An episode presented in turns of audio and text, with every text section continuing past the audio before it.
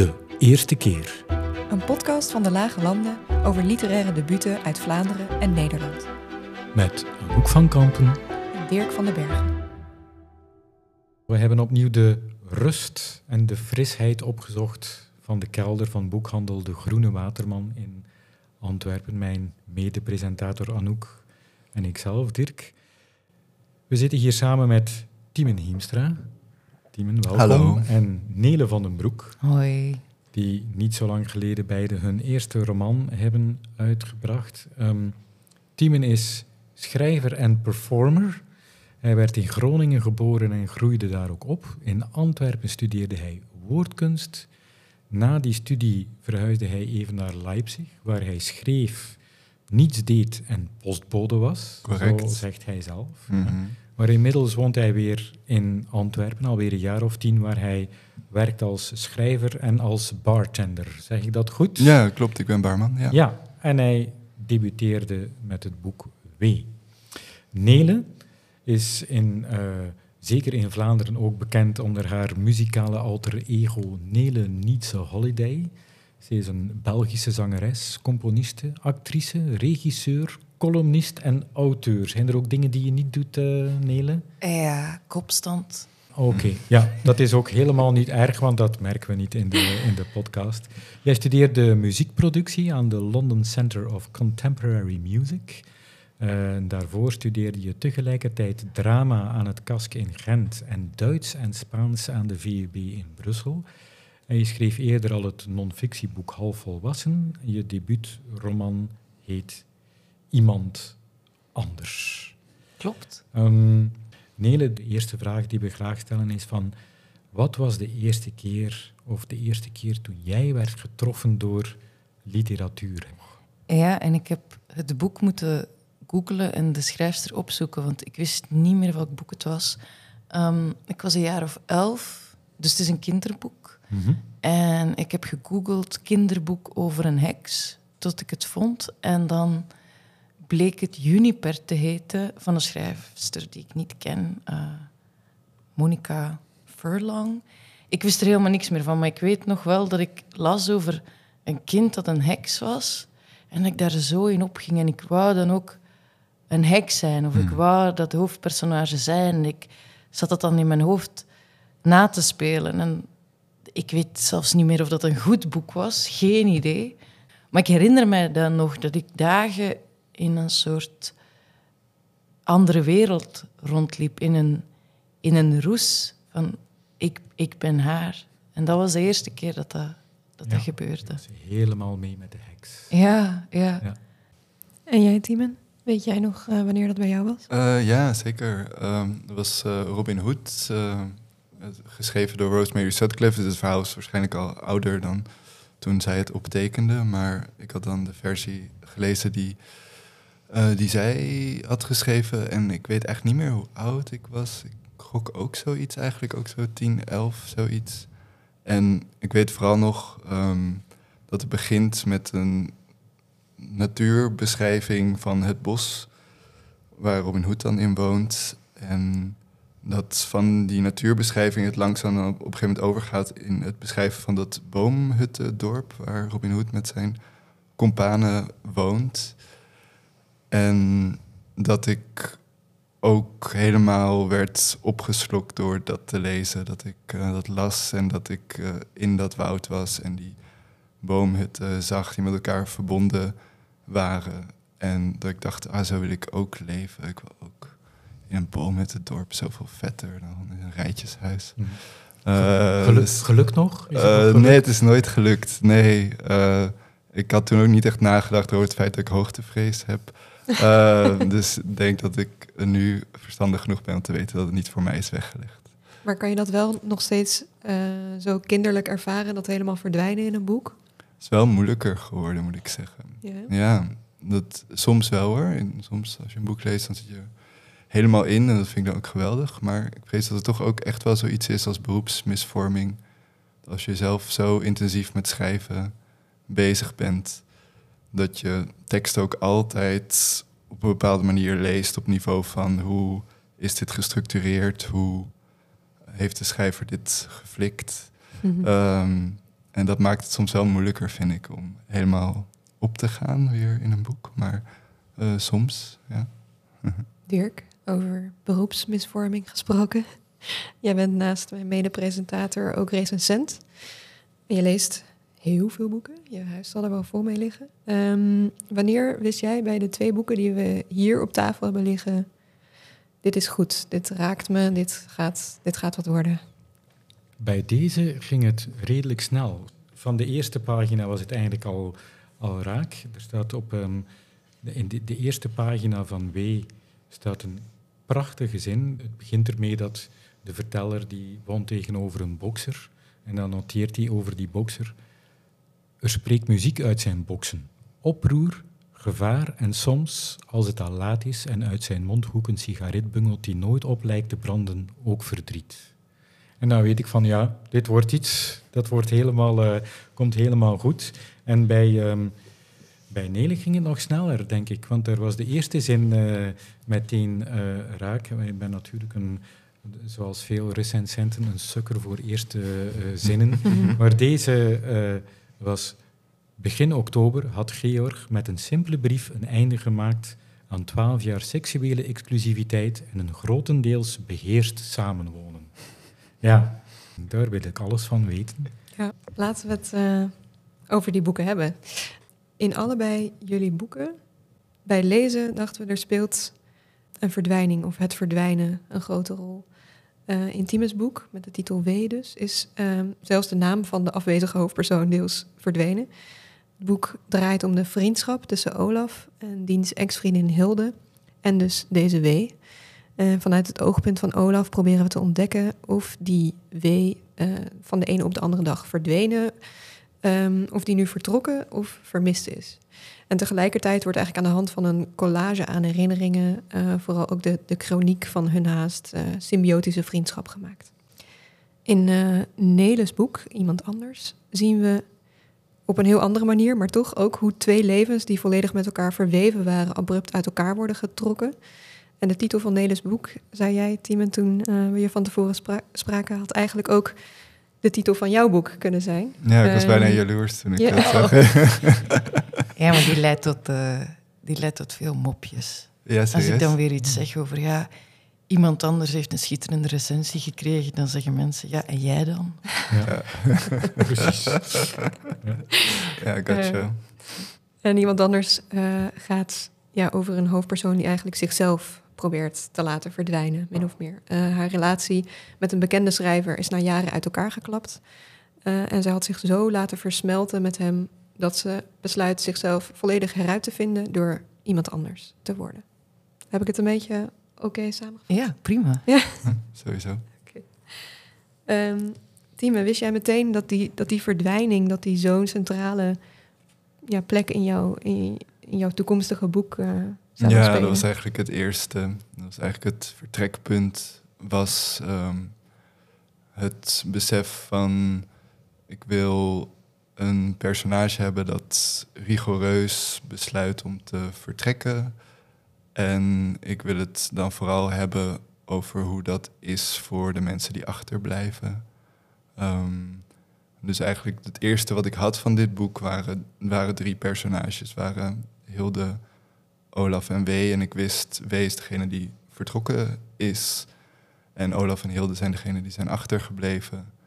En, ehm, en dan is uiteindelijk bleek Olaf dan de verteller te zijn van het verhaal. En zo ben ik begonnen. Ehm, dat was het enige wat ik had aan structuur van tevoren. Dat ik wist van... ehm, ja, er moet op een gegeven moment moet die verdwijning beschreven worden. eh, en meer wist ik niet. En dan begin je gewoon met te beschrijven hoe dan die vriendschap misschien is ontstaan. Heel veel schetsen. En, en zo gaandeweg groeit het dan gewoon steeds verder tot je dan een afverhaal hebt eh, Ja. na zeven jaar. Oh my god. Maar het is gelukt. Er. ja, ja. Eh, eh, Nele, wist jij, had jij meteen ja, dat, die verdwijning van het zelf, zeg maar? Ik zie de parallellen tussen, tussen beide boeken in die zin wel. Het gaat allebei ergens over je eigen identiteit vormen in de blik van een ander. En als die ander dan vertrekt, wie ben je dan? Ik vind, Timon, je hebt een heel mooi beeld met die bitsprinkhaan in dat doosje. Eh, als een bitsprinkhaan met twee opgroeit in een doosje of met een spiegel, Mhm. dan gaat het prima. Maar als die alleen is, dan raakt die misvormd. Dus je ontwikkelt jezelf door je te spiegelen aan een ander. En bij mijn hoofdpersonage, Sandra, eh, heeft zij dat een beetje te ver doorgedreven. Haar hele leven is, is haar man geworden. Bij mij was het beginidee, ik wou iets doen rond braaf zijn, altijd je best doen en toch mislukken. Mhm. En dan besluiten van, ik ga nu de slechtst mogelijke keuzes maken in de hoop dat dat mij wel ergens brengt. Dat was mijn, dat was mijn beginidee, die, die lijst die Sandra maakt Mhm. met al haar slechte voornemens. Ja. Ik herinner mij een recensie waarin werd gezegd van ja, vrouwelijke schrijfster die een personage neerzet dat zo vasthangt aan een man, dat is weinig feministisch, maar dat was net de bedoeling. Ik ben eigenlijk geschrokken hoeveel het in recensies gaat over feminisme. Ik Mhm. had dat niet verwacht. Ik bedoel, er zit een pratende duif in mijn boek. Niemand heeft het ooit over die pratende duif. ja, vervelend. Ehm, Mhm. ik heb ook geen, ik heb geen non-fictieboek geschreven. Ik heb geen feministisch essay geschreven. Ik heb een roman geschreven. En ik vind ook dat mijn personage een, een, een evolutie heeft. Dus als ik begin met een vrijgevochten Sandra die, eh, die alle, alle feministische karaktertrekken eh afvinkt, ja, dan heb ik niks om over te schrijven in mijn boek. Mhm. Het wordt ook niet per se neergezet als dat dat dan het grote voorbeeld zou moeten zijn om, eh, om Nee. je vast te hangen aan Nee, die man. Het is, het is eerder een, een Don't Try This at Home Kids eh, roman. Het, Ja. is, eh, het is zeer verrassend dat het nog goed komt met Sandra. Ja, het heeft eigenlijk wel een happy end, hè, een soort van. Ja. ja, ik hou wel van een happy end. Anouk, heb jij dat wel eens, de behoefte om te verdwijnen? Om ergens, ik, eh, jij, hebt, eh, jij hebt Franse roots ook, hè? Je, je mama is een Française. Denk jij soms van, ik moet richting Frankrijk verdwijnen en ik laat België en Nederland achter mij? Ja, toen we dit gesprek aan het voorbereiden was, toen vertelde je dat jij dat wel hebt. Ja, ik heb, ja, ik heb soms zo'n, maar eigenlijk een heel, op een hele kinderlijke, simpele manier, dan denk ik van, dan, eh, terwijl ik met de hond aan het wandelen ben, dan droom ik erover dat ik eh, de een of de andere bekende journalist ben die in Brooklyn woont en profile schrijft voor de New Yorker en zo, dat soort dingen, maar op een hele, bijna hele naïeve manier. Maar niet dat ik dan denk van, ik wil hier alles achterlaten. Ja, nee, maar ja, nee, ik, heb, ik heb dat dus niet echt. Ehm, maar wel dat idee van de, eh, de dagelijkse verplichtingen, en dat je die achter je zou kunnen laten. Of zo. Je hebt dat liedje van Acta en de Munnik, Het regent zonnestralen, met die Herman zit op een terras en die leest in de krant dat hij dood is, maar dat is niet zo, want hij is gewoon gevlucht. Ehm, ken je dat? Nee? Nee, dat ken ik niet. Nee, zing maar. Ja. ik ga niet beginnen zingen. Ehm, maar goed, dat idee van, oh, stel je toch voor dat je het gewoon allemaal achter je kon laten, want ik heb er soms gewoon geen zin in. Mhm. Ehm, en de- dat bevrijde gevoel, dat, dat, ja, dat zit ook in jullie boeken. eh, op een heel andere manier. Maar daar kan ik me wel ja, in verplaatsen. En dat geeft ook een, een, een idee van... eh, Mhm. ah, het kan ook anders. Maar goed, je ziet natuurlijk ook wat de potentiële gevolgen daarvan zijn. Ik denk dat een zekere mate van zelfdestructie de manier is waarop de mens aan zichzelf zijn eigen vrijheid probeert te bevestigen. Hmm. Dus eh, roken is nog moeilijker om mee te stoppen, net omdat het slecht voor je is. Je spuwt Satan in het gezicht als je rookt. Je zegt, oké, Mhm. kijk, ik, ik kies mijn eigen lot. Ik kies, ik kies mijn eigen manier om dood te gaan. En ik herken wel een, een zekere drang ook om te verdwijnen, maar ook een, een drang soms om mezelf kapot te maken. Timon, jij zei dat verdwijnen, dat, dat was eigenlijk het eerste wat Mhm. jij had. Zit daar ook zo'n soort van eigen behoefte aan? Of, of ja, fantasie? En ik, ik vind het heel confronterend om iemand te zijn, om dan toch weer eh, daarbij uit te komen. Ehm, er zit toch ook een soort van verlangen in de mens, in mij in ieder geval, om niet gedefinieerd te zijn. Om elke keer als je als een ezel voor de zoveelste keer tegen een steen stoot, heb je zoiets van: nee,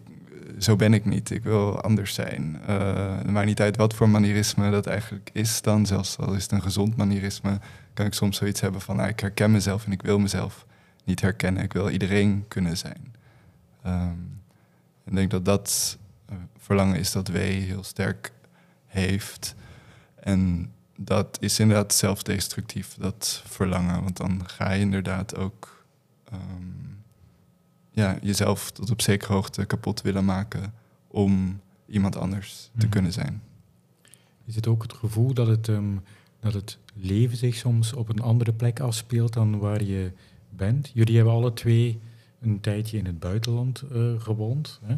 Ik, ik, heb dat zelf ook gedaan en dan denk ik van, ja, ik ga daar meer voeten van genieten. Want het is iets waar je van droomt, dat je denkt van, ja, dat is fijn, ik kan naar het buitenland vertrekken en dan woon ik in een uh, fijne buitenlandse stad. Jij woonde in Leipzig, Nele, jij woonde in Londen. Maar dan op het, op het moment zelf vergeet je dan soms van, ja, ik ben dat nu wel aan het doen. Tenminste, dat gevoel had ik dan achteraf. Hmm.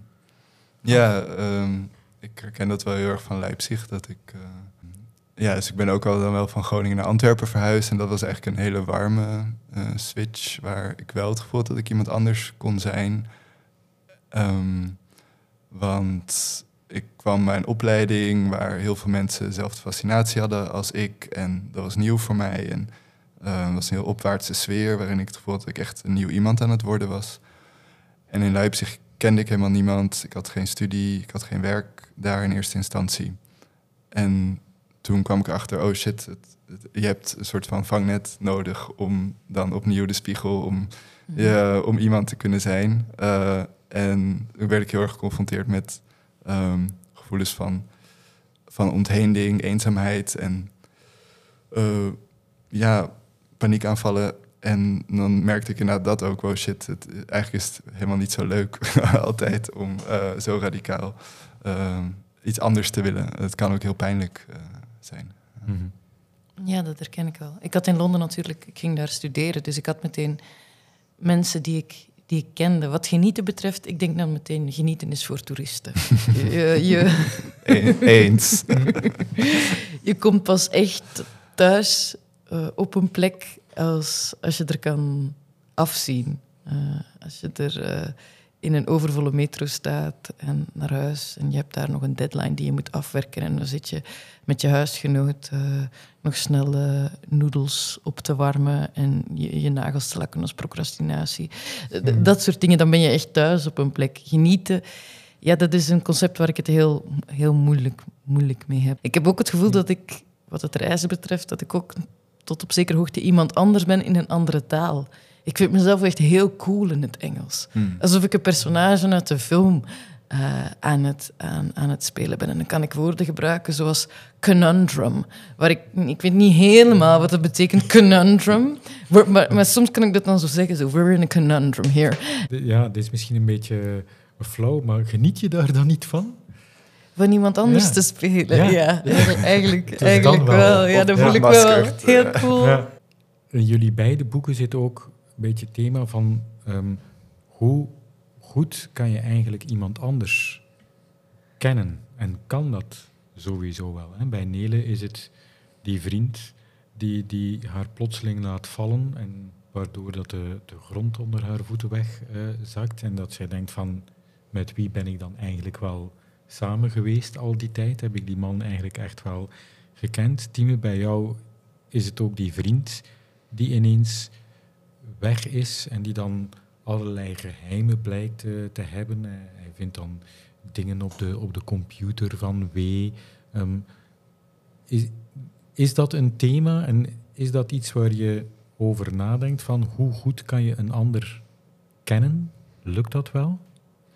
Ja, maar ik denk dat ik vooral nog altijd de blik van een ander wel altijd iets heel bevreemdends vind. En dat ik dat verder wilde onderzoeken. Dat je zeker bij naaste vrienden en mensen die je graag hebt, heel erg in iemands blik en lichaamshouding meent te kunnen lezen hoe diegene zich voelt. En dat is soms bijna een soort van een sfeer waar je dan in mee laat sleuren. Maar dan als je erover na gaat denken, merk je van ja, maar ik, ik weet het alsnog niet. Het is gewoon een soort schouwspel dat zich voor mijn ogen voordoet. En ik lees er van alles in. Maar wat is het? Maar het kan je verrassen, het kan je ook ontgoochelen. Hè? Dat zit er bijna een beetje in bij Olaf, dat hij dan denkt van, goh, maar die pretsarcofaag op die computer, Mhm. daar wist ik helemaal niks van. Ja, Of hij gaat dan op ziekenbezoek bij meneer Staartjes, daar wist ik ook niks van. Ja. Dus het voelt bijna achteraf als een soort bedrog van de vriendschap. als een verraad. Ja, ja, absoluut. En Hilde voelt dat eigenlijk sterker in het boek dan Olaf, gek genoeg. Omdat Olaf nog heel erg hangt aan die vriendschap en gewoon zo verliefd is op W, tussen aanhalingstekens. Ehm, dat hij heel moeilijk heeft om dat echt te, te zien en te voelen als verraad. Ehm, terwijl Hilde wel echt kan zeggen van... die gast heeft een mes in onze rug gestoken... en waarom de fuck zijn we eigenlijk? Doen we nog moeite om hem te zoeken? Mhm, Precies. Is dat iets waar je ook graag mee speelt, dat kennen van de ander, Nele? Mm. Er staat iets in mijn boek over relaties zijn theater en jij bent slechts acteur. En er worden door een intendant waar jij geen vat op hebt, worden er vreemde stukken op het repertoire gezet. Rollen die je zelf nooit zou kiezen. En je begint die rol te spelen. En als je die rol lang genoeg speelt, dan is die rol geen rol meer. Dan is het wie, wie jij bent. Ik denk ook, je kan de ander nooit volledig kennen, omdat je die ander alleen maar ziet in relatie tot jou. En in relatie tot andere mensen gaat die, gaat anders zijn. Sandra kon Georg niet kennen, maar eigenlijk kende Georg Sandra. Sandra heeft zichzelf helemaal, helemaal veranderd, helemaal uitgegomd om, om bij Georg te zijn. Dus zij, zij gaf hem ook niets, komt letterlijk uit het boek, zij gaf hem niets om zich tegenover te verhouden. Kan je de ander volledig kennen? Dat houdt mij heel erg bezig in termen van mentale gezondheid wel. Ik voel mij soms zo vreselijk en dan vraag ik mij af, is dit normaal vreselijk? Op de curve van vreselijk voelen. Is dit pathologisch? Is dit ziektevreselijk? Of is dit gewoon... eh, Het leven. ja, misère quotidienne. is, dit, eh, is dit wat iedereen voelt? Hoe voelen jullie je nu langs de, langs de binnenkant? Daar ben ik wel mee bezig in, ja, op, op het vlak van gezondheid. En moet ik, moet ik, is dit nu het soort verdriet waar je een pil voor moet nemen? Of is dit nu gewoon iets wat, er, wat erbij hoort? En je, hebt zelfs, kan jezelf niet kennen. Je hebt het raden naar je eigen gevoelens. Mhm. Begrijp ik het goed dat jouw schrijven dan deels therapeutisch is? Maar Oh. misschien niet de roman, maar dat je dat wel doet van dat je wel schrijft om te onthouden van hoe je je voelt of hoe het met je is? Mm, De roman misschien op een, op een manier ook hoor. Ehm, nu ga ik mijn geheim vertellen. Dus het, eh, de brief waarmee Georg het afmaakt met Sandra. Ik, eh, ik had de liefde van mijn leven ontmoet en die woonde in Zweden. En dan ben ik naar Zweden verhuisd voor hem. En dan woonden we samen. En toen heeft hij het uitgemaakt met een e-mail. En die e-mail is de brief die in het, die in het boek terecht is gekomen. Ik denk dat ook... eh, ik vind misschien niet therapie, maar en nu laat ik mezelf echt niet van mijn beste kant zien, maar wraak. Wraak is een fantastische, fantastisch motiverende kracht. En je hebt zoveel discipline nodig om een, om een roman te schrijven. Dat, eh, dat je op zoek moet gaan naar die dingen die jou, die jou motiveren. En dat kan, dat kan fascinatie zijn of nieuwsgierigheid. Maar bij aanvang van dit boek was het eh, bij mij vooral, vooral woede. Mhm. Eh, en van alle fases van het, het rouwproces vind ik moede, woede de, de, de, meest, de, de meest productieve. Ik ben heel, kan, ik ben heel creatief als ik, eh, als ik, als ik, kwaad, als ik kwaad ben. Als ik, als, ja, ja. Ja, Maakt het nu dan nog uit of die persoon die die brief heeft geschreven dit boek leest of ervan weet? Of is het genoeg dat je het geschreven hebt? Nee, we hebben geen contact meer en hij, en hij kan ook geen Nederlands lezen. Dus hij gaat dat nooit weten. Ja. Nee. Moest hij Nederlandstalig zijn geweest, hier en in België wonen, dan had ik dat ook niet gedaan. De, het schrijven zelf is wraak genoeg. Ja, absoluut. Mhm. En ja, ik ben nu ook niet, niet kwaad meer. Dus soms denk ik, hm, had ik die brief niet wat moeten veranderen of zo? Daar was ik dan weer te lui voor. Het kan, Ja, hij het werkt kan nog- goed, dus ja, Ja. never Het kan nog naar het Zweeds vertaald worden. Hè? Ja, dat is ook weet. altijd handig voor Ja. de Nobelprijzen. Dan heb ik een, dan heb ik een probleem.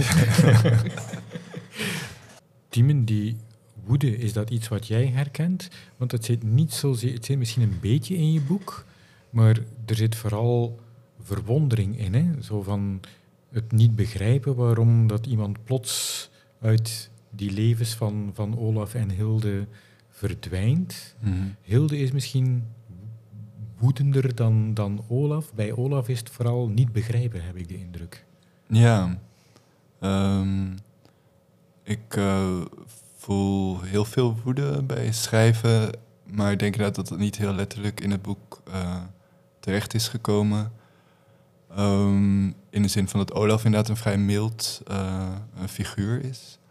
Maar ik denk dat W ook wel een heel woedend figuur is over wat we waar het net over hadden. Niet kunnen accepteren dat je bent zoals je bent. En daarin soort van steeds dat willen openbreken. Ehm, in, op die manier is het ook wel ingekomen. En ik merk zelf gewoon dat ik heel vaak woedend ben, niet altijd terecht, maar wel vaak voel eh, naar clichés of naar hoe mensen dingen plachten te verwoorden in, alle, in, de, alle, in de alle dag. Dat ik heel vaak denk, maar zo simpel is het niet. Er zit altijd een soort van reflex. Nee, nee, het- is niet zo simpel. Het is genuanceerder. Het is complexer. Je moet beter kijken. En dat is wel een soort van woede die ik heel sterk voel bij het schrijven. Dat ik probeer, probeer iets te beschrijven en dan kan ik ook echt boos worden op mezelf. Zo van, nee, je zegt dit nu omdat je ooit een keer hebt gelezen dat je iets zo dient te beschrijven, maar zo is het niet. Het is, je moet tegen kijken. Die, die woede voel ik wel heel sterk bij het schrijven. Dat is zeer herkenbaar. Ik kan ook heel kwaad worden op dingen zoals in het moment leven. Ja, Zo, dat Voilà. soort uh, ja. op boetades. Ja, ja, jouw dis van het personage Alma was heel uh, mooi. In, in, in, vond ik heel leuk. Uh, hoe je inderdaad al die uh, mindfulness clichés dan eventjes goed op de hak neemt. Oh, dank je Ja. wel. Zelf En- boeken en dat soort Ja. dingen. Ja. Ja. Ja. Ja. En hoe is dat toch bevriend raakte, meer richting het einde, was dan ook wel een, een mooie, een mooie cirkel of zo. Dank je wel. Ja. Maar niets menselijks is mij vreemd. Ja. Ik heb ook een, eh, een, eh, een paar zelfboeken op mijn, eh, op mijn boek. Maar ja, dat is, dat is research. Ehm, voor de eerste keer spreken we ook altijd een ex-debutant. Iemand die dus ooit al een eerste en daarna nog meer boeken heeft geschreven. Ehm, Peter Terin schreef in 1998 de verhalenbundel De Code. En we gaan even luisteren. Ik ben Peter Terin, eh, schrijver, fotograaf en ik ben in 1998 gedebuteerd met De Code. De Code was een eh, verhalenbundel. En ik, eh, ik herinner me in die tijd dat ik heel kwaad werd op mensen die eh, korte verhalen als oefeningen beschouwden. Ehm, ik nam dat heel serieus en toen mijn uitgever, L.J. Veen was dat, ehm, mij na publicatie vroeg van, eh, heb je ook, eh, ben je aan een roman aan het werken? Toen zei ik dat ik dat niet zou doen, dat ik eh, altijd verhalen zou schrijven. Wat dus mislukt is. Drie jaar na mijn debuut, De Code, volgde dan toch een debuutroman, Kras. Ehm, en gaandeweg heb ik toen wel de roman als, een, als de grote uitdaging gezien voor mezelf als schrijver. En ontdekking ook. Ik moest de roman nog leren ontdekken. En ik doe dat tot op vandaag eigenlijk. Um, ik heb bij elke nieuwe roman die ik schrijf het gevoel dat ik aan iets nieuws begin dat ik nog niet eerder heb gedaan. Mijn debuut, het is verschenen bij L.J. Veen. En dat was toen, en dat is nog altijd een kleine uitgeverij. En ik bleek dat ik de enige Vlaming was. Dat betekende ook dat in Vlaanderen boeken van L.J. Veen ja, die werden nauwelijks vertegenwoordigd. En toch zijn er uh, recensies verschenen. En uh, ik herinner mij vooral de recensie in Vrij Nederland, die zeer lovend was. Maar ik, ik heb de omweg gemaakt via Nederland. Want ik, toen mijn derde boek verscheen, Blanco, bij de arbeiderspers, toen verscheen op de voorpagina van NRC een groot artikel met de vraag: waarom kennen wij deze schrijver niet? Ik moet zeggen, ik, ik ben wel achteraf bekeken hoor, want op het moment zelf zou je het anders willen, maar ik ben wel ergens blij met die gezapige start, omdat het mij tijd gegeven heeft om, om te groeien. Het zijn nu ook wel andere tijden. Ik, ik herinner mij toen ik bij Elie Veen uh, binnenkwam, dat, dat men zei van, kijk Peter, de eerste twee, drie boeken, daar verwachten we eigenlijk niet veel van. Ontwikkel je en vanaf boek drie, vier, zo dan, dan gaan we echt uh, inzetten en kijken wat, wat, we, wat er gebeurt. Ik denk niet dat, deze, dat die tijd uh, nog gegund wordt aan, uh, aan debutanten vandaag. Ik zou waarschijnlijk niet gedebuteerd zijn met de code als ik er nu op terugblik. Ik zou waarschijnlijk gewacht hebben tot het derde boek. Maar ja, dat weet je niet. Ik bedoel, op het moment dat het gebeurt, gebeurt het en denk je dat je goed doet. En uh, mocht ik het kunnen opnieuw doen, het zou, laat ons zeggen dat mijn oeuvre strakker zou zijn zonder de eerste twee boeken. Niet dat ik ze slechte boeken vind hoor, maar je ziet nog net iets te veel uh, invloed van de schrijvers waar ik toen naar, uh, naar wie ik toen opkeek. Maar ik heb twee tips. De eerste tip, we hebben het al een beetje aangehaald, is wacht lang genoeg om te debuteren. Er is nog tijd. Probeer afstand te nemen van, dat is allemaal één tip, hè. probeer afstand te nemen van jouw uh, manuscript. Leg het een half jaar aan de kant, denk er niet meer aan, lees het dan opnieuw. Als je dat kan, als je dat kan opbrengen, dan is dat altijd een meerwaarde. Altijd. Daar ook op aansluitend, laat mensen jouw manuscript lezen. Je kan van elke lezer kan je iets opsteken. Zelfs van iemand die niks met jouw boek heeft, kan je misschien meer bevestigen in de richting dat je ingeslagen bent. Ik denk van, ja, maar hij kan zeggen wat hij wil, maar dat is toch echt wel wat ik wil. Dat zeker. Een tweede tip is, wanneer jouw boek verschenen is, moet je het loslaten. Ik heb geluk gehad. Veel van mijn boeken zijn na Blanco is de lijn altijd, is altijd maar gestegen. Ik heb fantastische recensies gehad, al mijn boeken. Er is één boek bij, Vrouwen en Kinderen Eerst.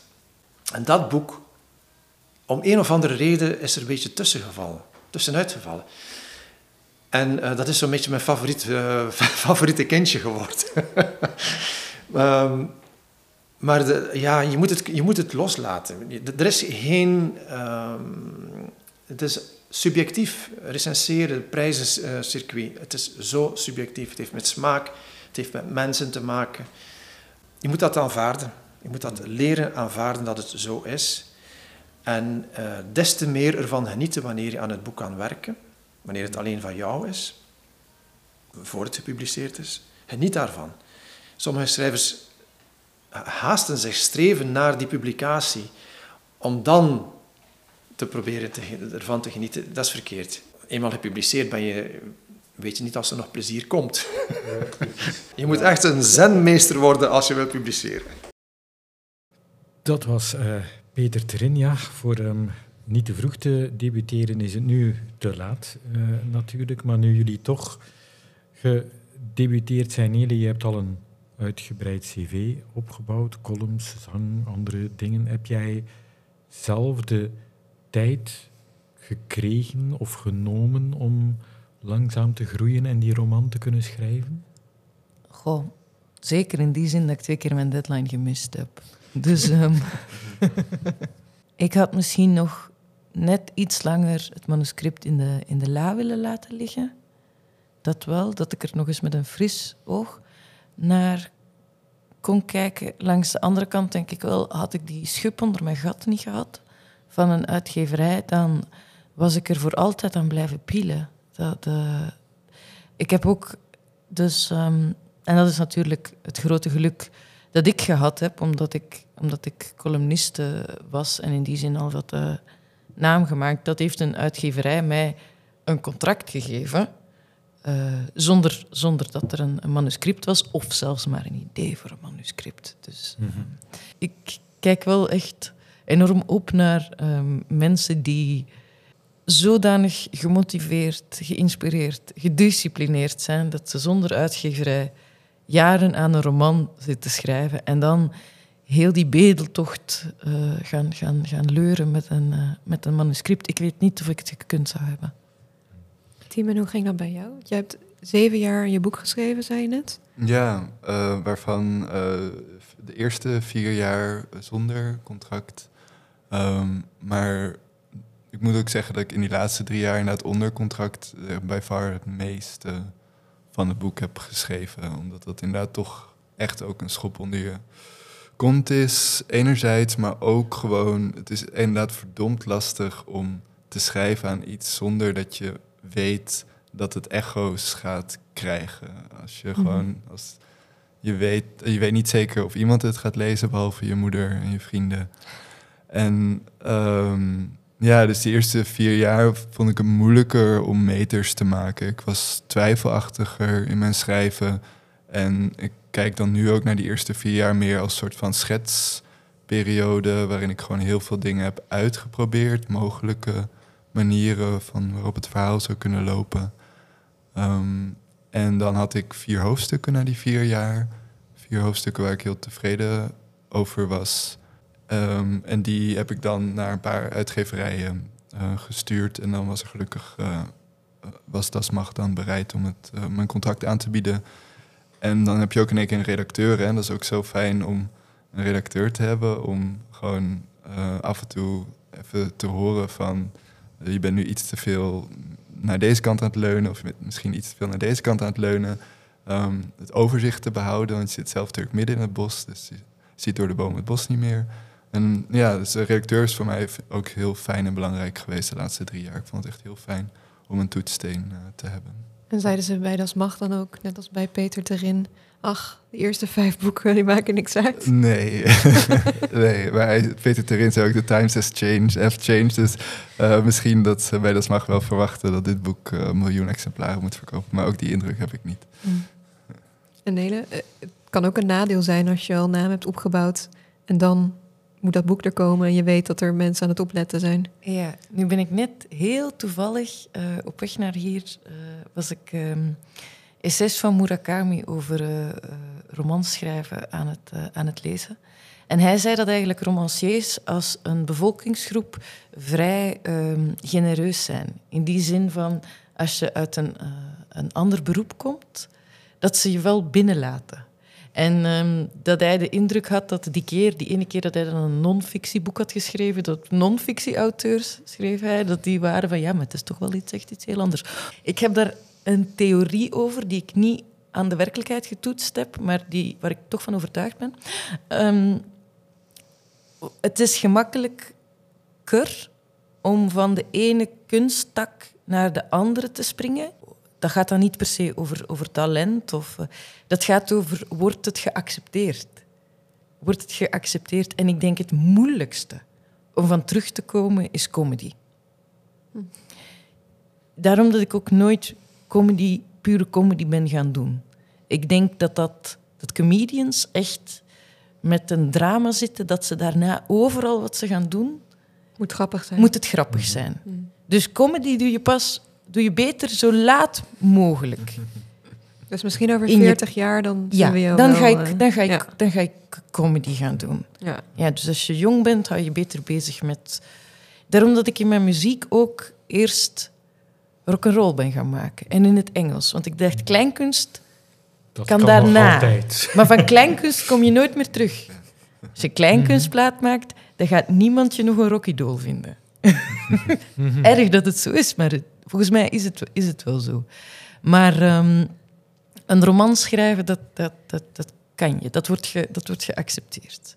Want jij steekt in je boek wel een beetje de draak met dat soms zo snobistische literaire wereldje. Hè? Maar god, maar ik weet eigenlijk niet zo heel veel over het snobistische literaire mm-hmm. wereldje. Dus dat heb ik wel allemaal verzonnen. Maar als het een beetje lijkt op, uh, op, de, op de muziekbusiness, dan... Uh...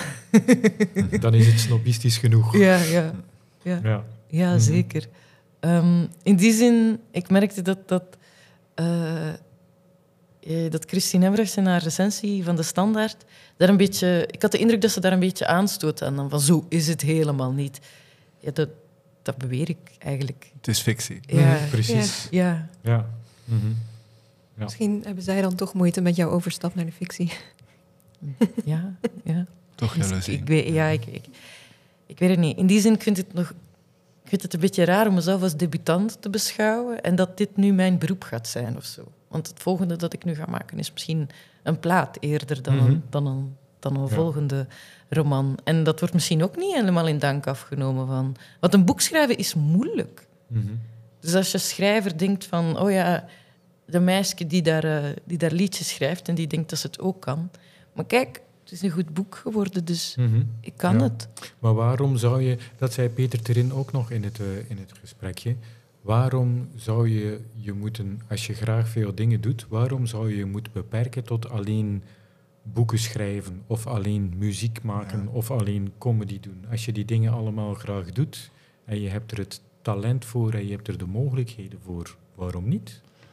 Dat lijkt mij ook. Ja, Ja. sommige mensen zijn sprinter en anderen zijn speerwerper op kogelstoter, maar sommige mensen zijn tienkamper. Ja, maar het mediabestel heeft natuurlijk heel graag dat je in één straatje past. Die willen één verhaal van Ja. de schrijver of de muzikant.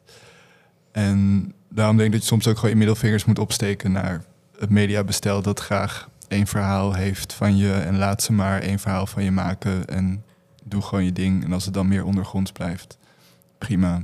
Of ze straffen je door het woord manusje van alles te gebruiken. Ja, en ook Ze dan, noem- ook, da- ook dan steek je je middelvingers op en zeg je prima. Toen we in, in onze voorbespreking, uh, Tiemen, hadden we het over ehm, de stijl van jouw boek. En, en ehm, er zitten veel verschillende dingen in. Er zitten liedfragmentjes in, eh, er zitten memes in.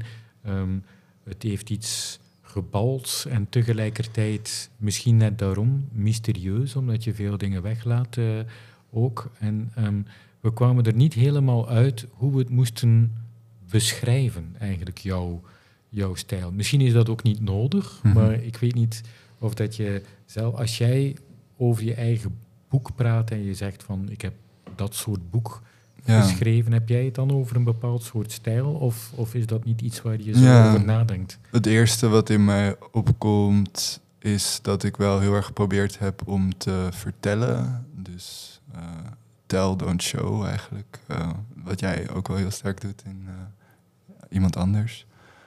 Ehm, dus ehm, proberen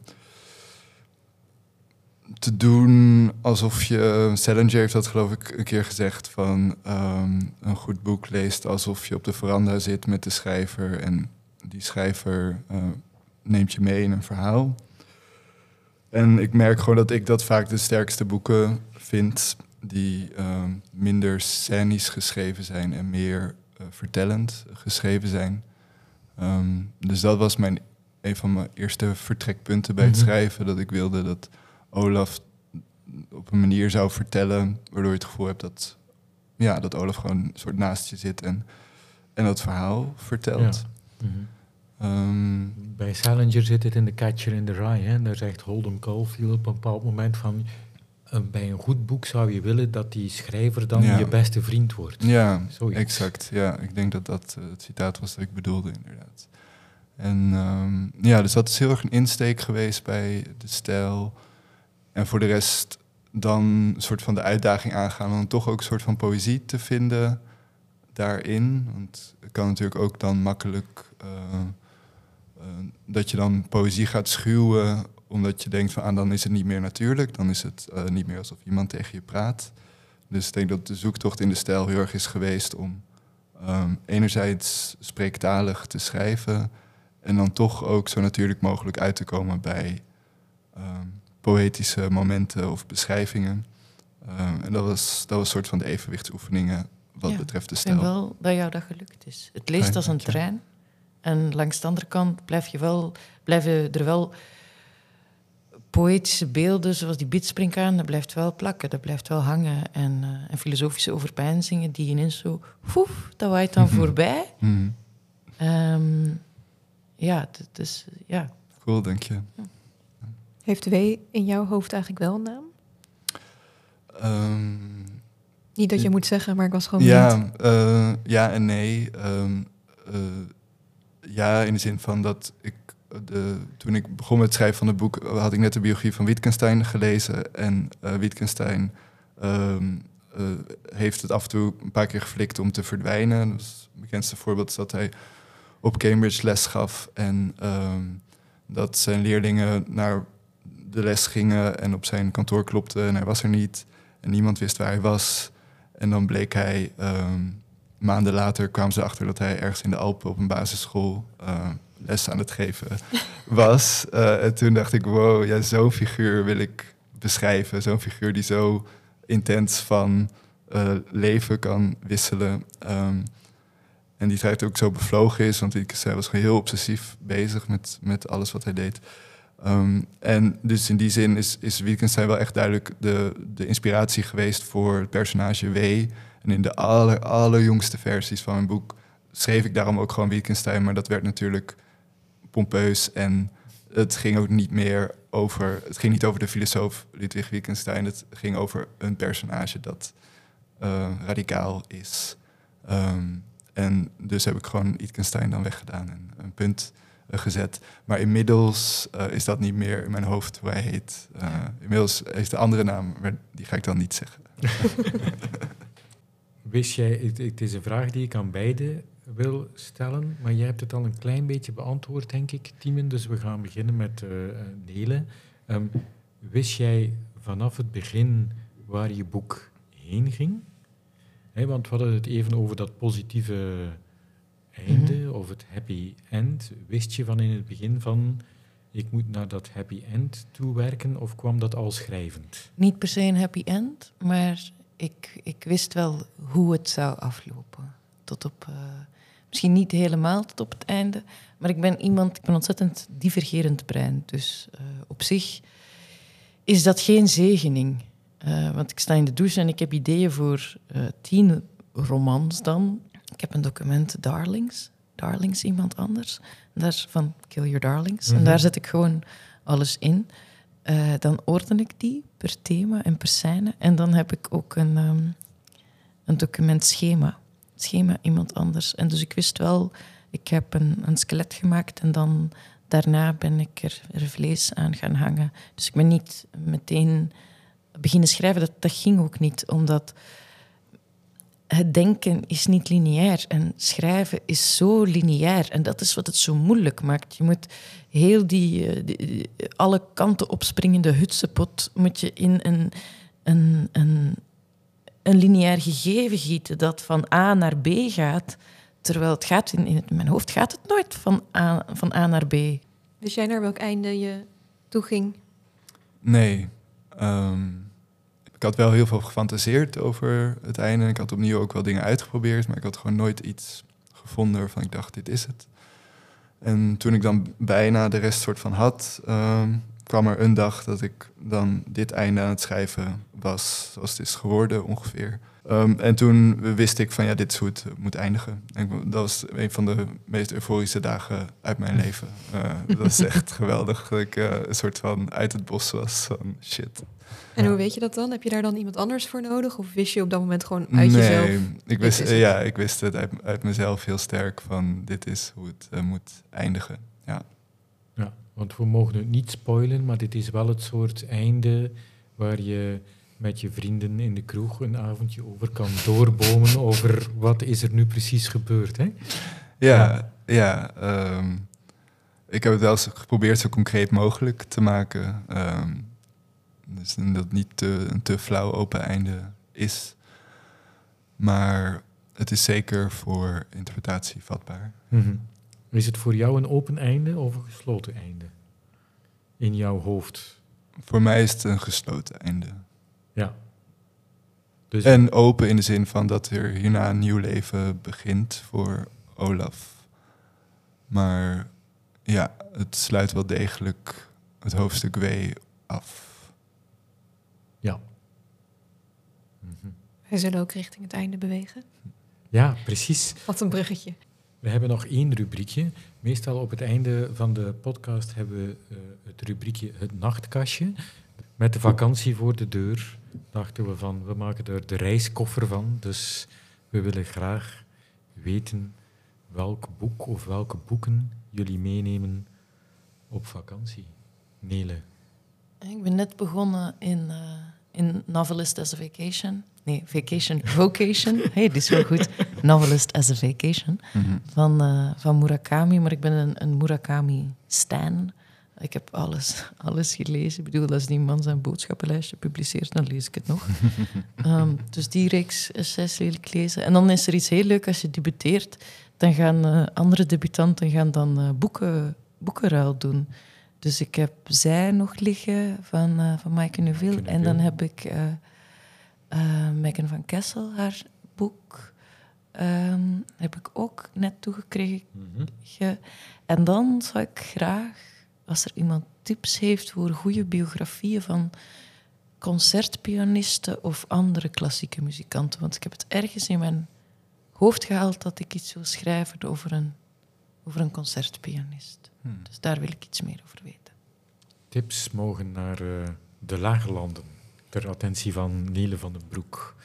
Um, Tiemen, wat gaat er in jouw uh, reiskoffer of ja, rugzak? Uh, ik denk dat ik thuis blijf uh, deze zomer voornamelijk. Um, en uh, ik vrees dat mijn antwoord is dat ik heel veel ga gamen. ik heb zeven jaar lang niet meer gegamed. Of toen ik naar Leipzig verhuisde en dan bedacht ik ga een boek schrijven. Dacht ik neem mijn, mijn Playstation niet mee, want het gaat te veel afleiden. Dus ik heb mezelf nu weer toegestaan om een PlayStation in huis te halen. En ik ben spelletjes aan het inhalen die ik de afgelopen zeven jaar dan gemist. Wat is je favoriet? Ik ja. uh, ben nu The Witcher 3 aan het spelen. Die kwam in 2016 uit, denk ik, of 2015. Je bent echt de jaren aan het inhalen gewoon. Ja, echt gewoon die jaren aan het inhalen. Uh, en dat is, um, ja, inmiddels wordt het gezien als een klassieker al. Het gaat hard in die, in die wereld. Maar um, dit is een geweldig spel, fantasy RPG, maar echt uh, misschien wel de beste die ik tot nu toe al gespeeld heb. Het is echt uh, heel meeslepend, heel, heel goed gedaan. Inspirerend voor de literatuur? Absoluut, ja. ja. Ik bedoel, het zijn ook weer narratieve vormen, hè, games. Dus uh, ja, de, ik vind dat heel inspirerend, zeker. Ik vind dat een heel goed plan. Ja. Dank je. An Anouk, heb jij al boeken voor in, je, voor in je koffer? Ik heb een hele lading boeken hele lading. op mijn e-book gezet. En als ik er eentje moet uitkiezen, dan um, de gast van Emma Klein. De mm guest, maar dan is hij ook vertaald naar de gast. Precies, ja, mooi. Ja. jij Dirk? Ik trek naar het zuiden van Engeland dit jaar en dan uh, uh, ik lees dan graag wat dingen die daarbij uh, die daarbij passen. Dus op mijn stapeltje ligt onder andere Jacob's Room van Virginia Woolf en Lessons van Ian McEwan. En, en, nog een paar Engelse. Ik ga mij op het Engels storten deze, deze zomer. Ja. What a conundrum. Ja, fantastisch. Loos. En goed toepasselijk. Heel mooi. Nele, dankjewel voor uh, je komst naar Antwerpen, naar de Groene Waterman. Heel graag gedaan. Tiemen, jij ook. Anouk, ook graag gedaan. Uiteraard, jij ook. En ik wens jullie allen een fantastische vakantie of op reis of achter de spelletjescomputer. U luisterde naar De Eerste Keer, een podcast over literaire debuten uit de Lage Landen. Wil je meer weten over cultuur in de Lage Landen? Surf dan naar de-lage-landen.com de site voor context bij kunst en cultuur uit Vlaanderen en Nederland.